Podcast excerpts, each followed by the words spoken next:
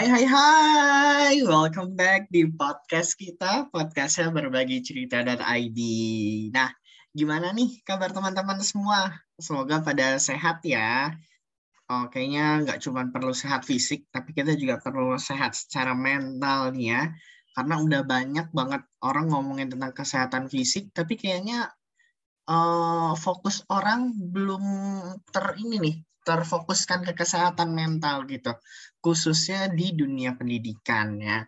Nah, ngomong-ngomong tentang kesehatan mental nih teman-teman, pernah nggak sih kalian itu ngerasa kayaknya jenuh banget sama tugas? Ini biasanya relate banget nih sama kalangan mahasiswa dan juga uh, teman-teman yang mungkin masih SMP, SMA, biasanya relate banget nih sama yang namanya kejenuhan dalam bertugas gitu ya karena tugasnya banyak banget numpuk udah gitu bingung mana yang harus dikerjain duluan gitu kan. Udah saking banyaknya tugas deadlineer lagi kan ngerjainnya udah deket-deket mau dikumpulin gitu ya. Nah atau bahkan teman-teman udah ngerasa jenuh sama yang namanya pendidikan. Ngerasa udah deh gue nggak harus lanjut uh, ke tingkatan pendidikan selanjutnya entah kayak itu SMA atau kuliah gitu ya. Karena ngerasa useless mungkin atau ngerasa nggak ada benefitnya dari pendidikan gitu kan. Ah sama aja nih orang uh, berpendidikan atau enggak atau misalnya mereka yang sarjana atau enggak miskin-miskin juga gitu kan mungkin aja pada ngerasa kayak gitu. Nah atau teman-teman udah ngerasa males capek gitu sama dunia pendidikan karena terlalu banyak lika-likunya pas masih SMP atau SMA jadinya mau menghadapi jenjang pendidikan berikutnya mikir-mikir 10 kali gitu ya untuk melanjutin pendidikan. Nah, sebenarnya nih teman-teman, tanpa kita sadari, sebenarnya kadang kita nih suka banget mengabaikan aspek kesehatan mental kita loh. Karena gini loh, kalau misalnya kita ngomongin kesehatan mental, itu kan abstrak banget ya. Nggak semua orang itu bisa ngeliat dan paham tentang kesehatan mental itu apa. Nah, kadang banget, ini mungkin bukan kadang lagi ya, sering banget nih, kita itu nge-push diri kita supaya semua hal yang kita inginkan itu terrealisasi. Mungkin teman-teman ada yang perfeksionis di antara yang ngedengerin ini ya, rasanya itu kalau uh, tanda titik, koma gitu ya, nggak ada gitu ya, atau ketinggalan atau lupa itu udah stresnya minta ampun gitu ya. Karena kita pengen banget supaya sangat perfect gitu ya. Dan kadang kita itu nge-push diri kita kadang kita nggak terasa kita mengabaikan jam istirahat kita kalau udah ngomongin tugas ya uh, istirahat diabaikan pokoknya gimana caranya supaya nilai itu memuaskan tapi fisik dan mental dikorbankan gitu kan nah kali ini kita akan membahas seputar tentang fenomena kesehatan mental di kalangan uh, pelajar mahasiswa atau teman-teman yang sedang menghadapi dunia pendidikan Nah, sebentar-sebentar. Kayaknya tadi udah ngomong panjang lebar, kita belum kenalan deh. Tak kenal maka tak sayang, kembali lagi dengan Kak Bagas Rahmatullah di sini. Semoga teman-teman gak bosen ya ngedengerin colotehan dan diskusi Kak Bagas dengan narasumber-narasumber keren kita dari berbagi cerita.id. Nah, tanpa berlama-lama lagi, mari deh kita langsung sambut aja seorang psikolog pendidikan yang sangat ahli tentunya dalam membahas topik ini, yaitu Kak Vika Astridianingrum, MPSI Psikolog. Beliau merupakan seorang psikolog pendidikan lulusan Universitas Atmajaya Jakarta dan tentunya udah nggak usah diragukan lagi deh sudah malam melintang ke sana kemari membahas dunia pendidikan. Langsung saja yuk kita sapa beliau.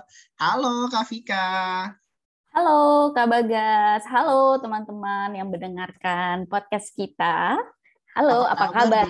Wah, wah, kabar saya baik. Alhamdulillah. Kak Bagas bagaimana kabarnya? Baik dong tentunya. Wah, seneng banget nih. Kayaknya Kak Vika udah ceria sekali untuk membahas topik kali ini ya. Tentunya. Nah, tadi kan Kak Bagas sudah spill sedikit nih tentang Kak Vika. Boleh dong sekarang Kak Vika memperkenalkan diri. Silakan Kak Vika. Halo teman-teman podcast, selamat bergabung di podcast uh, berbagi cerita.id. Perkenalkan, saya Vika Astridianingrum, MPSI Psikolog. Saya adalah seorang psikolog pendidikan, begitu ya. Biasanya sehari-hari memang bersama dengan para siswa dan mahasiswa nih gitu. Nah, mungkin teman-teman juga pasti relate ya gitu nanti apa yang sedang kita uh, bicarakan hari ini. Hmm, benar-benar banget. Karena banyak banget ya Kak Vika ya fenomena kesehatan mental dan dunia pendidikan itu wah banyak banget deh fenomenanya ya Kak ya. Betul sekali Kak Bagas. Nah, ngomongin tadi kita kesehatan mental nih Kak. Ya mungkin Kakak udah tahu ya pelajar dan mahasiswa itu uh, zona-zona banyaknya tekanan gitu ya baik dari lingkungannya gitu ya. Belum lagi mereka yang merantau gitu belum lagi tugas-tugas gitu belum lagi skripsian. Wah jadi banyak banget nih ya tentunya beban-beban di dunia pendidikan ini.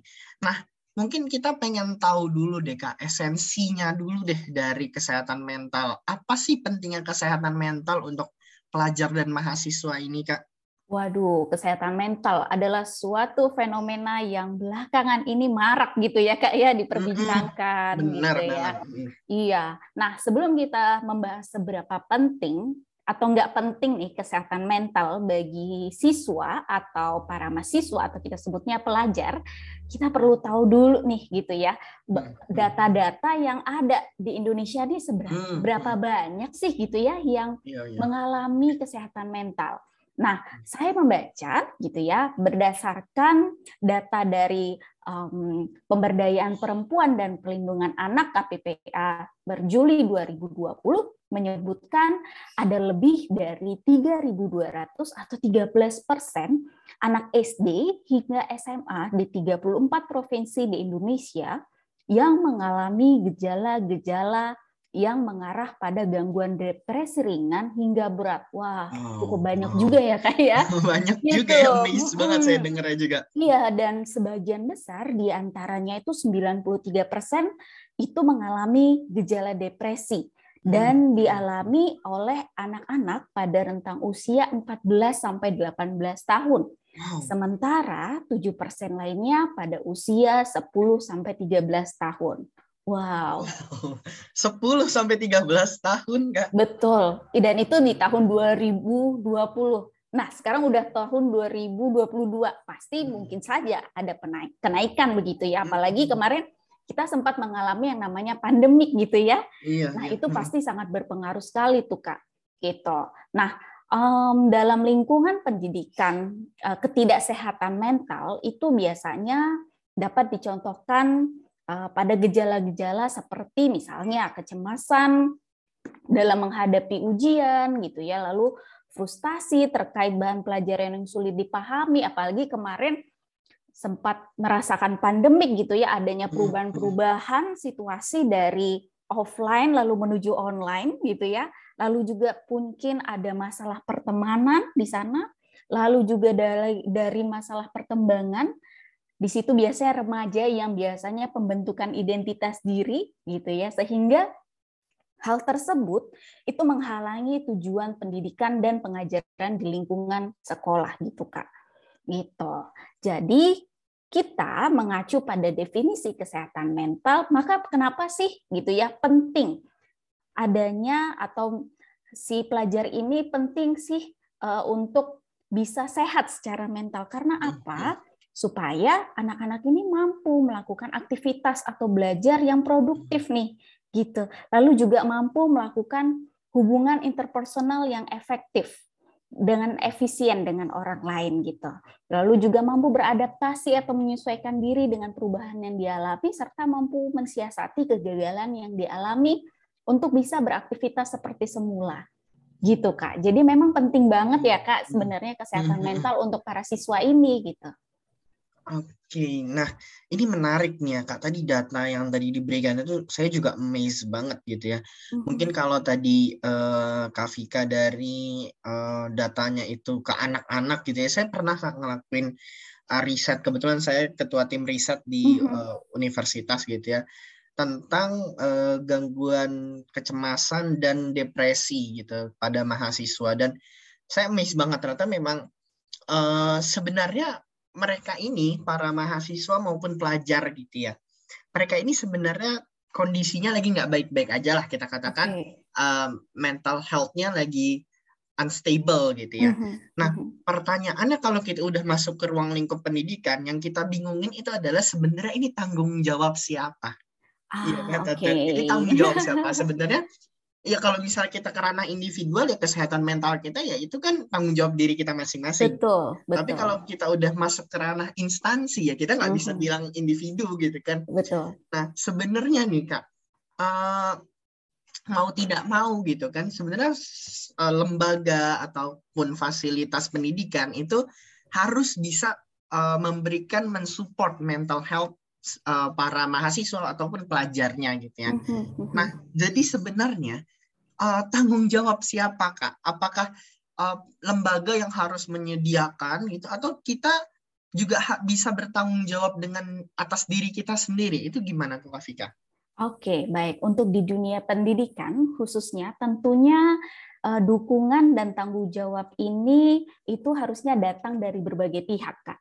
Gitu. Jadi untuk tugasnya adalah untuk membantu seseorang atau siswa ini mengatasi kondisinya. Jadi mungkin kalau misalnya kita ambil contoh nih dengan anak-anak SD gitu ya atau anak-anak SMP yang secara kognitif masih belum tahu nih dia harus bagaimana mengatasi hal ini, maka dia perlu dukungan dari orang-orang sekitarnya, baik mungkin itu dari uh, sekolah, misalnya dari gurunya gitu ya. Kalau di sekolah ada psikolognya, psikolognya juga boleh membantu gitu ya anak ini untuk mengatasi um, kesehatan mental ya gitu. Dan tentunya penting peran atau dukungan dari orang tua tentunya yang diberikan kepada siswa yang mengalami masalah kesehatan mental kak gitu.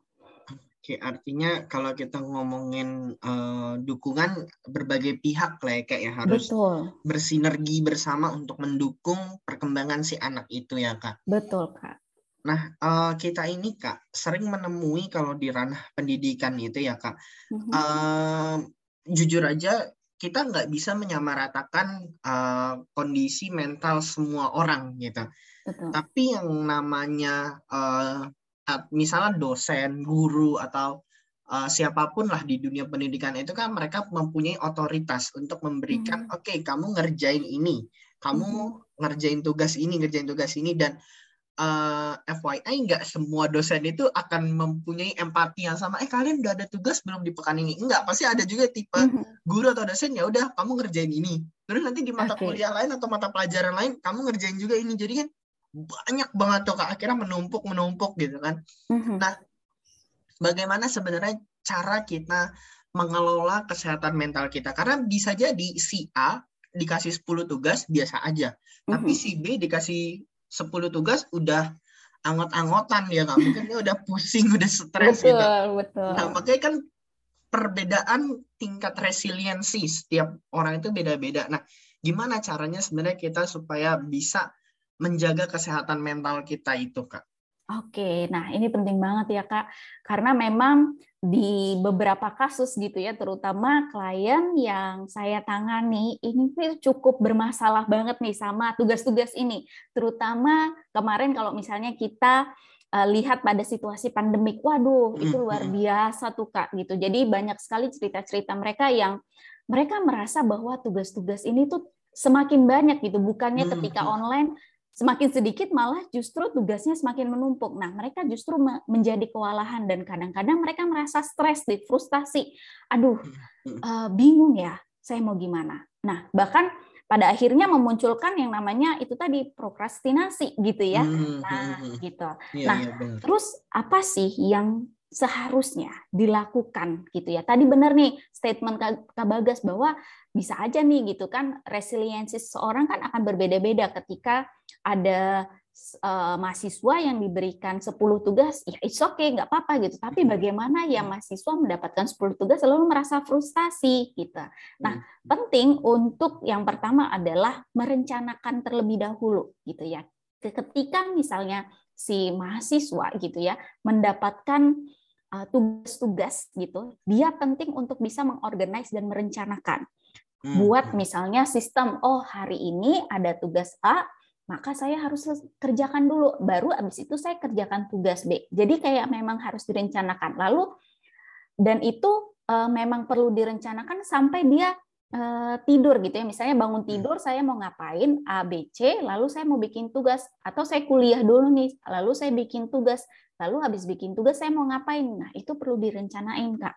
Itu supaya memang terorganize dengan baik itu apa yang dia lakukan kegiatannya sehari-hari gitu ya.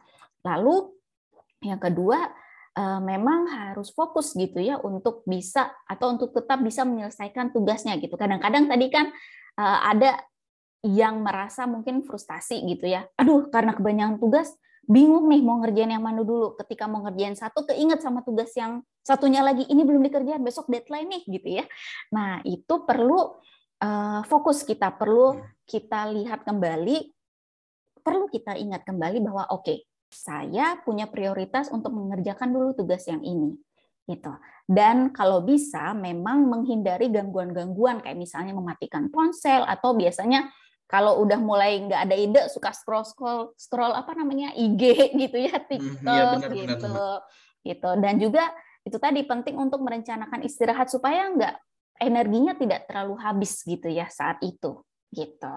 Dan memang bersiap bahwa tidak semua hal itu biasanya sesuai rencana itu iya, tadi. yeah, ada prokrastinasi itu tadi ya gitu ya. Hmm. nah ini penting nih jangan merasa stres jika rencana yang kamu lakukan itu tidak sesuai gitu. Tapi kamu perlu tahu bahwa kamu punya prioritas dan tanggung jawab untuk melakukannya itu kan oke menarik menarik banget nah tadi uh, Kak Vika sempat mention ya bahwa Eh, saat-saat uh, kondisi pandemi kayak gini memang ya lagi banyak-banyaknya tugas gitu kan. Betul. Nah kalau kita bicara tentang dunia pendidikan kak, saya rasa sebenarnya nggak adil kalau misalnya kita nggak membahas tenaga pendidiknya.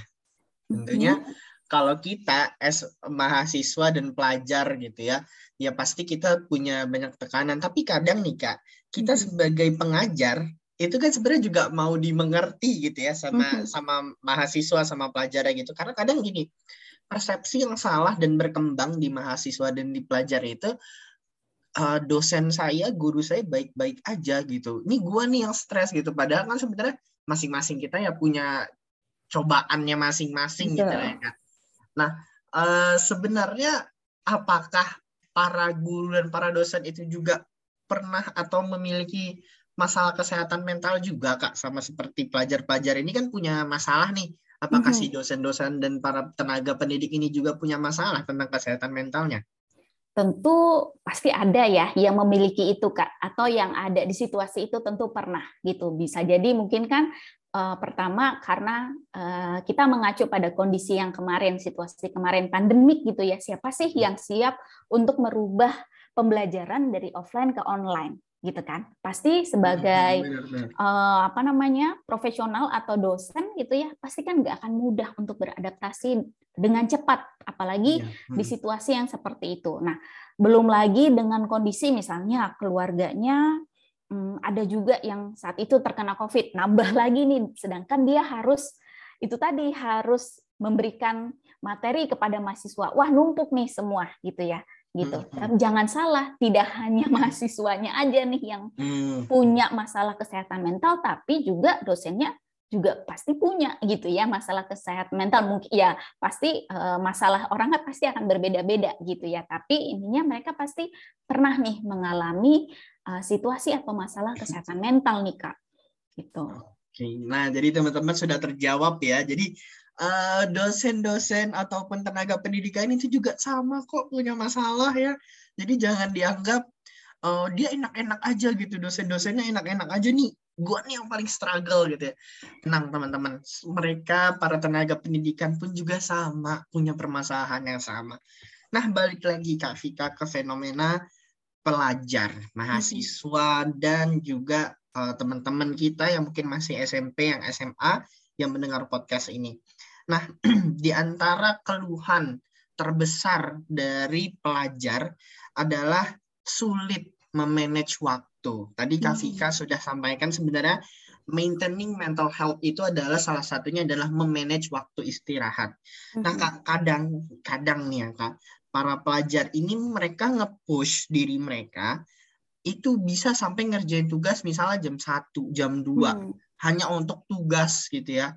Tapi uh, akhirnya jam tidurnya berantakan, terus semuanya jadi kacau karena tidurnya di malam, malamnya bangun gitu. Nah, hmm. tidurnya di hmm. pagi, malamnya bangun gitu kan kebalik okay. jadinya. Nah, gimana sih Kak kalau tadi maintaining mental health dengan manajemen waktu? Nah, gimana caranya kita itu memanage waktu atau ada nggak sih waktu yang kira-kira uh, pas nih misalnya istirahatnya 20 menit, 30 menit supaya benar-benar physically and mentally kita itu fresh kembali gitu ketika nanti mau ngelanjutin kegiatannya gimana tuh Kak Fika? Oke, iya. Kalau sering ya pasti suka apa kita dengar gitu ya. Aduh, uh, saya tuh selalu senang ngerjainnya tuh waktu jam satu, jam 2 gitu ya. Padahal iya. sebenarnya uh, kalau misalnya kita lihat dari sisi kesehatan itu kan kurang baik gitu ya karena hmm. itu tadi kalau terlalu sering bergadang itu membuat seorang jadi uh, apa namanya kurang tidur secara fisik juga uh, tidak sehat lalu juga biasanya adanya penurunan daya ingat dan sebagainya gitu ya nah penting nih buat teman-teman atau para mahasiswa gitu ya yang saat ini masih suka melakukan begadang gitu ya. Masih ya, suka benar, melakukan benar. begadang gitu. Nah perlu ditelaah kembali. Perlu dievaluasi kembali. Apakah ini cocok ataukah ini sehat untuk diri saya sendiri? Karena sehat itu kan itu tadi tidak secara mental aja tapi secara fisik juga gitu. Hmm. kalau fisik kita sehat mudah-mudahan mental kita juga akan terasa sehat gitu kalau mental kita tidak sehat, mungkin juga akan mempengaruhi fisik. Jadi memang ada apa namanya? Sinambungan gitu. Ya, betul, ya, betul sekali. Ada ada kolera apa uh, korelasi antara keduanya gitu ya, gitu. Jadi uh, perlu dievaluasi kembali apakah uh, pola hidup yang saya jalani saat ini sudah sesuai atau belum. Nah, lalu bagaimana tadi untuk menghadapinya gitu ya. Itu tadi kita kembali bahwa penting untuk kita bisa mengelola waktu dengan baik time management gitu ya kalau kata anak sekarang ya, gitu ya, ya time ya. management gitu. Hmm. Rencanakan dengan baik apa yang akan kamu lakukan tadi mulai dari bangun tidur, makan, eh, sekolah atau kuliah, mengerjakan tugas sampai kamu tidur kembali. Gitu. Usahakan memang um, tugas-tugasnya bisa kalau bisa dicicil nih gitu. Kadang kan ada juga yang suka ini ya SKS ya SKS gitu. Nah, ya.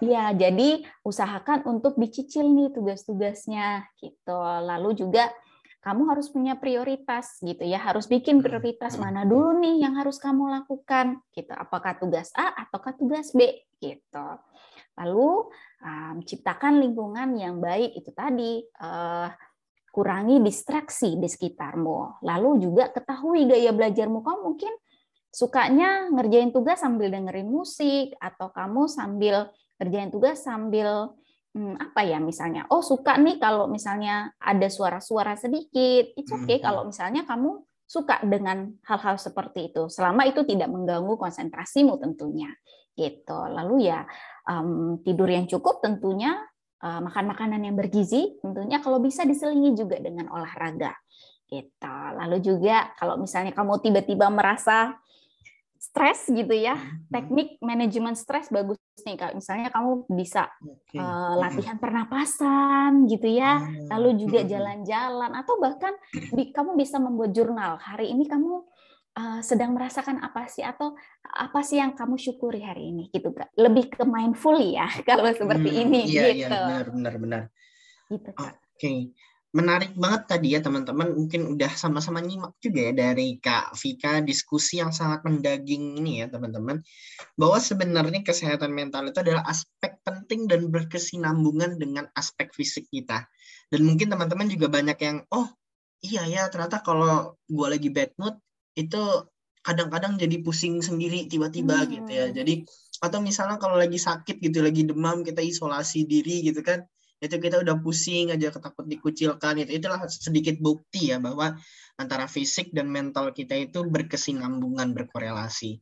Nah tadi bicara soal social support bahwa selain tadi time management kunci dari maintaining mental health kita social support itu juga butuh baik dari keluarga dari teman dari orang-orang terdekat kita gitu ya mm-hmm. jangan pernah berjalan sendiri gitu kalau mm-hmm. dalam berjuang gitu ya karena yang namanya perjuangan kalau nggak ada yang support rasanya sangat sulit gitu ya nah kak para pelajar dan mahasiswa ini kebanyakan mereka ini kan adalah yang merantau kak. Mm-hmm. Ini adalah yang jauhnya berkilo-kilo, berpuluh-puluh kilometer gitu ya. Bahkan saya pernah ketemu sama orang yang dia sekolahnya di Italia. Dia curhat sama saya, wah dia udah pusing banget jauh dari orang tua. Mm-hmm. Um, kondisi sosial dan lingkungannya di sana nggak support dia, dia sampai stres banget. Dia mm-hmm. enak sih di Italia tapi ya tidak ada dukungan ya kak. Iya di satu sisi dia juga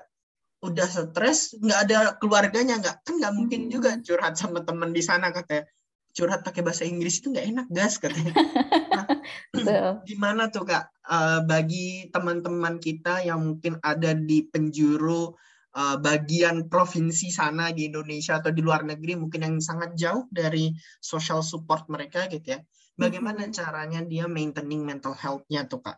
Oke, nah ini penting nih untuk teman-teman yang jauh dari keluarga gitu ya untuk mengatasi mungkin rasa kesepian atau mungkin mm. merasa tidak ada support dari eh, orang-orang sekitar, orang-orang terdekat gitu ya.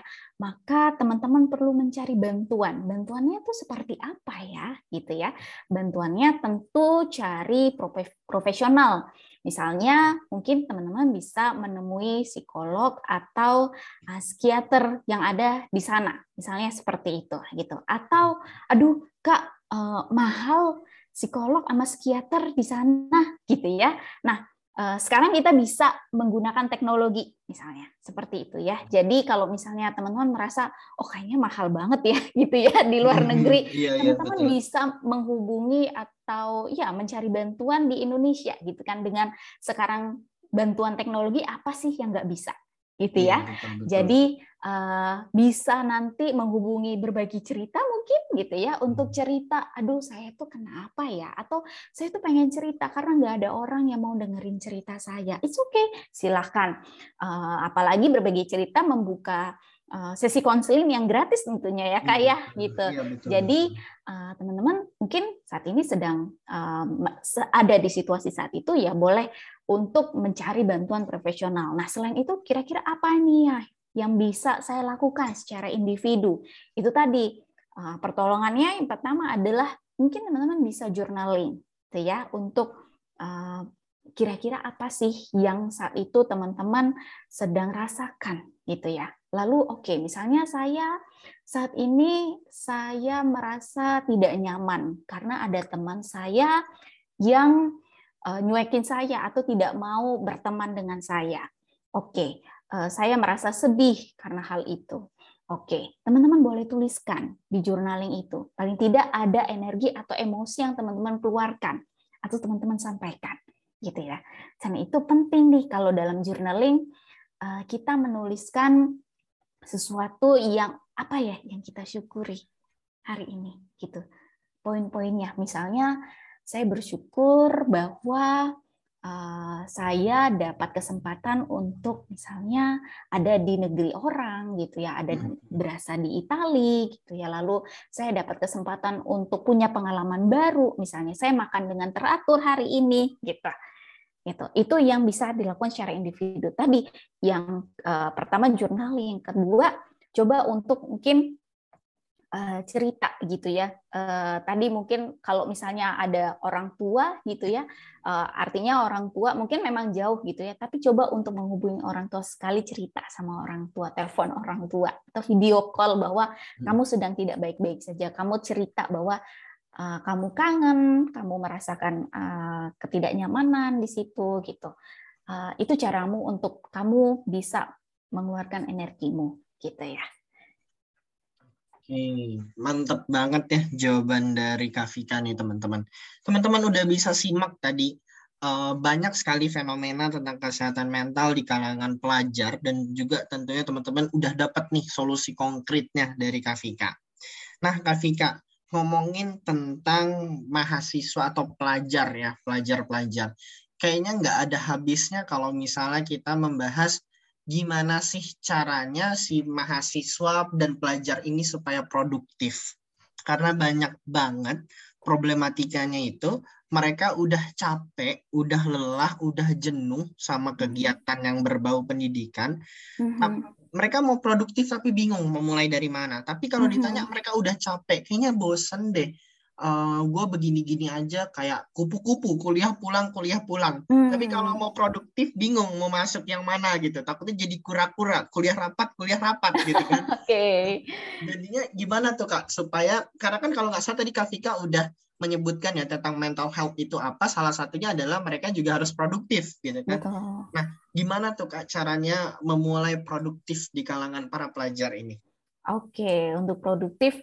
Nah, tadi tidak semua orang mudah gitu ya untuk atau senang untuk produktif gitu. Tapi ada orang yang pengen banget nih produktif gitu ya. Hmm. Nah, yang pertama ketahui diri kamu sendiri. Kamu tuh senangnya apa ya? Gitu. Kamu perlu tahu kamu senangnya apa. Misalnya kamu senang hal-hal yang berbau dengan art and craft misalnya, atau kamu senang uh, sesuatu yang berbau dengan musik gitu ya, atau hmm. olahraga. Nah, daripada kuliah pulang kuliah pulang gitu ya. Yeah. Nah, hmm. kamu penting nih untuk misalnya kamu ikut kegiatan-kegiatan di kampus atau di sekolah tentunya. Misalnya kegiatan yang memang kamu senangi. Kalau misalnya di kampus ada tadi kamu senang sama musik, kamu bisa ikut paduan suara gitu ya atau kamu bisa mungkin uh, ada misalnya um, mm, UKM uh, eh, musik gitu ya misalnya iya, main atau band gitu yang memang uh, secara uh, apa minat kamu sukai gitu ya secara hobi gitu ya. Nah itu. Jadi kamu perlu cari tahu dulu nih diri kamu tuh sukanya apa sih dan apa yang ingin kamu lakukan gitu. Dan memang kamu perlu punya Eh, tujuan-tujuan. Tujuannya apa ya saya ambil ini?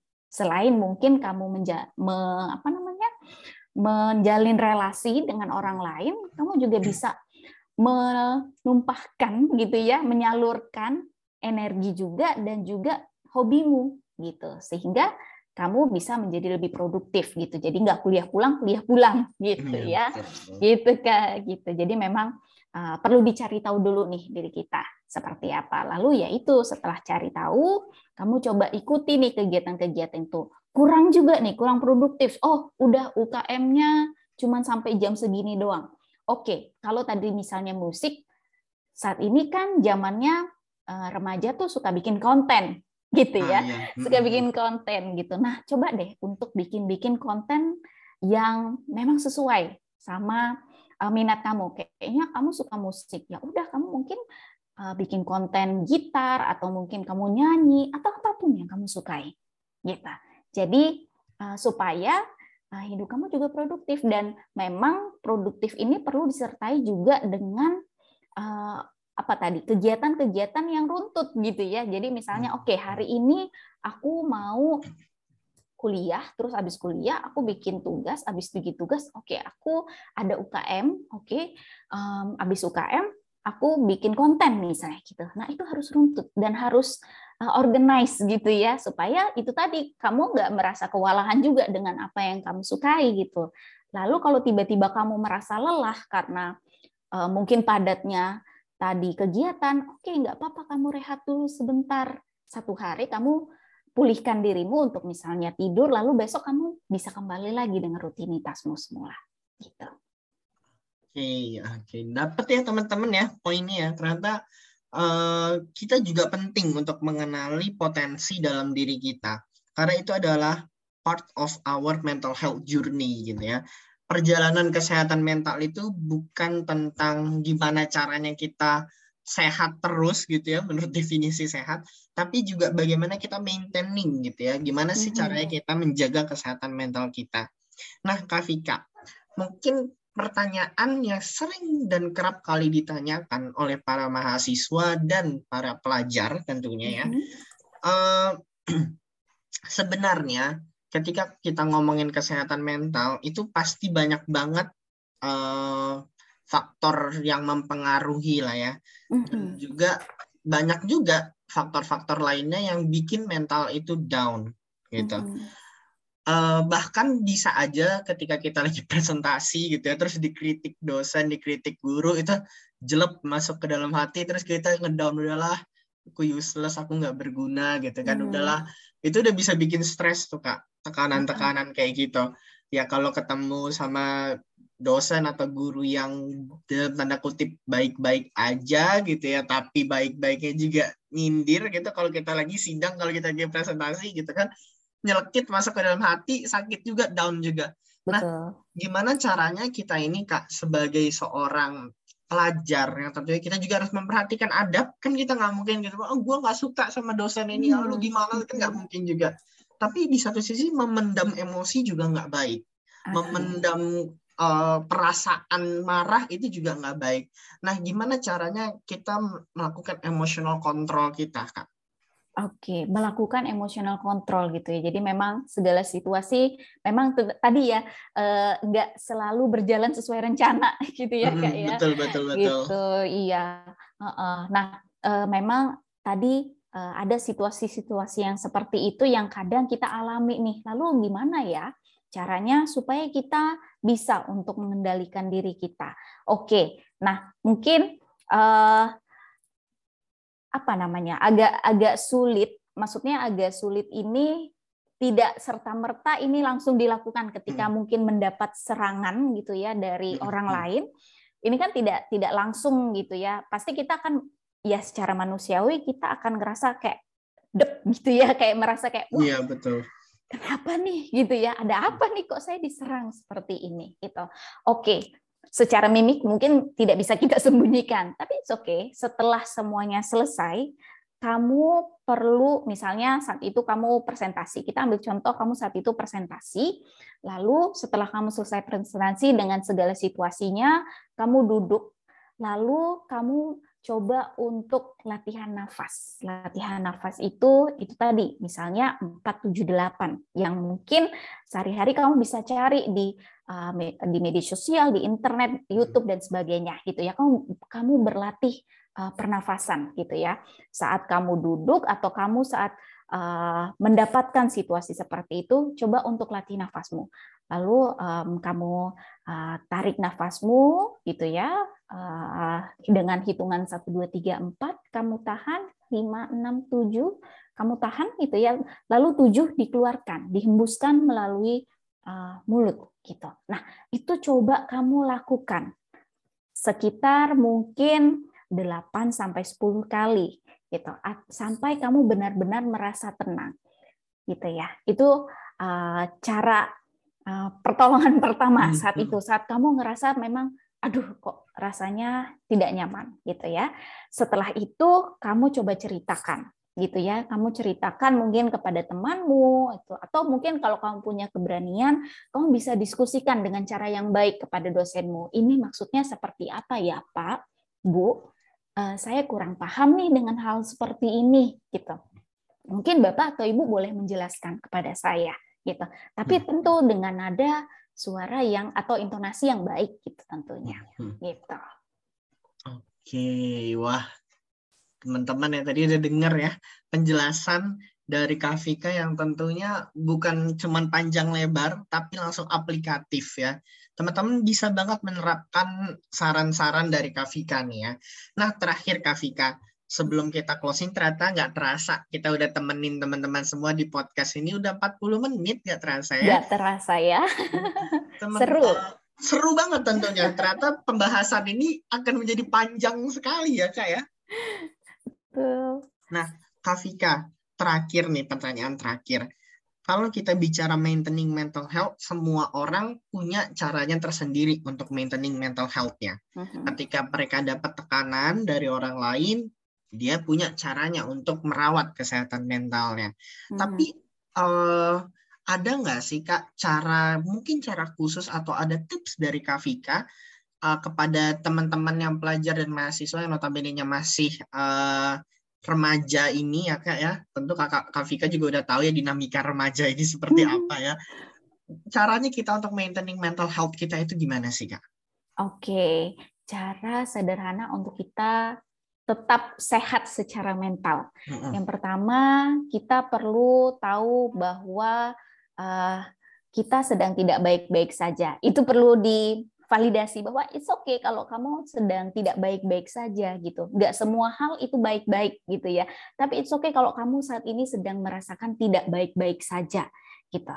Uh, itu penting gitu ya supaya kamu merasa tahu gitu ya bahwa kamu memang tidak baik-baik saja dan kamu butuh sesuatu. Oke. Okay. Nah, untuk bagaimana caranya maintain supaya keadaan mental kamu uh, baik gitu ya ke depannya, yang pertama adalah uh, penting untuk bisa uh, menuliskan gitu ya atau mengucapkan hal-hal yang bisa disyukuri saat ini gitu.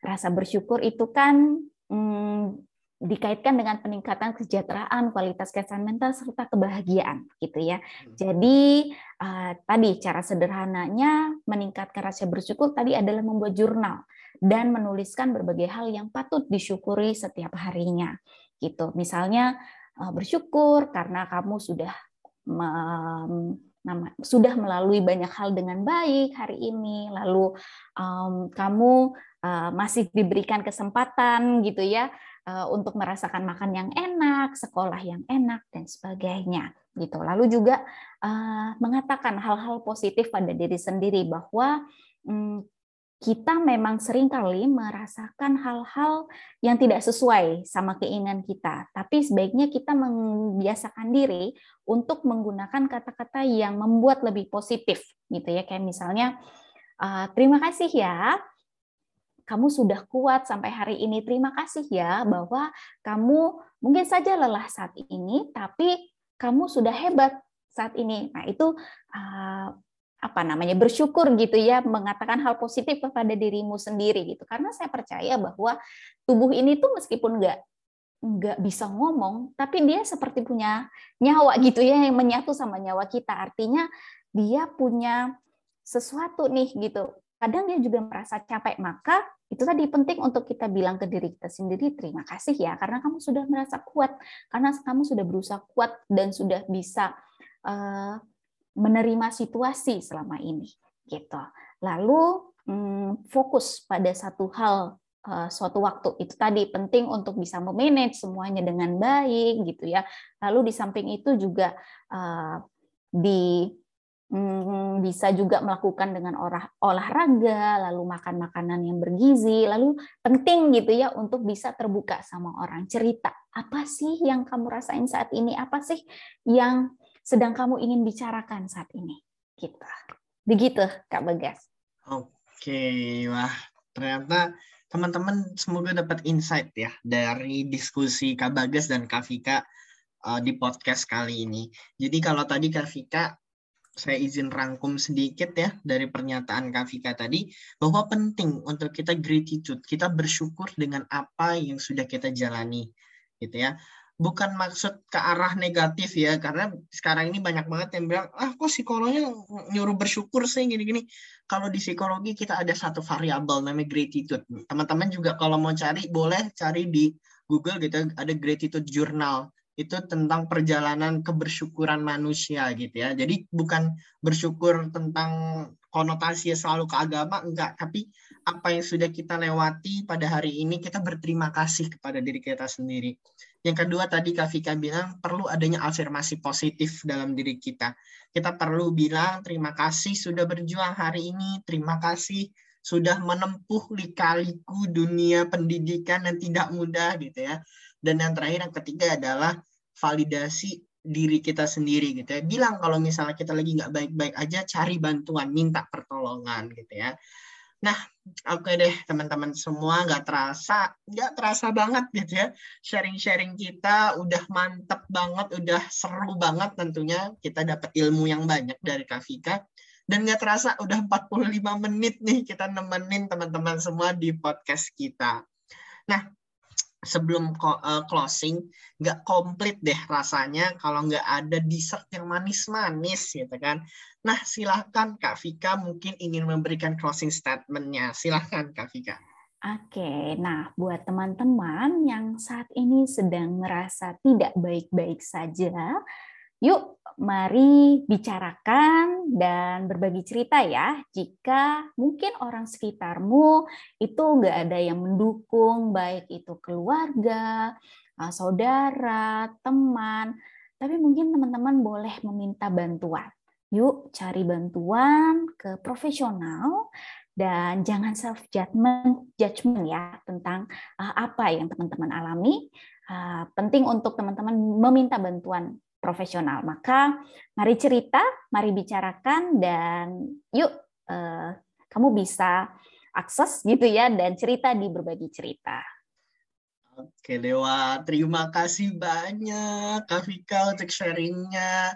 Ternyata mantap banget nih sharing kita di podcast episode yang ketiga kali ini. Nah, mantul, mantap betul. Semoga teman-teman bisa mendapatkan manfaatnya ya tentunya dari podcast ini. Nah, teman-teman jangan lupa tetap stay tune di podcast kita, podcastnya berbagi cerita.id Sampai jumpa di podcast dan episode-episode berikutnya. Pokoknya jangan pernah ketinggalan nih sama podcast ini. Sampai jumpa di episode-episode berikutnya. Bye-bye. Sampai jumpa, teman-teman.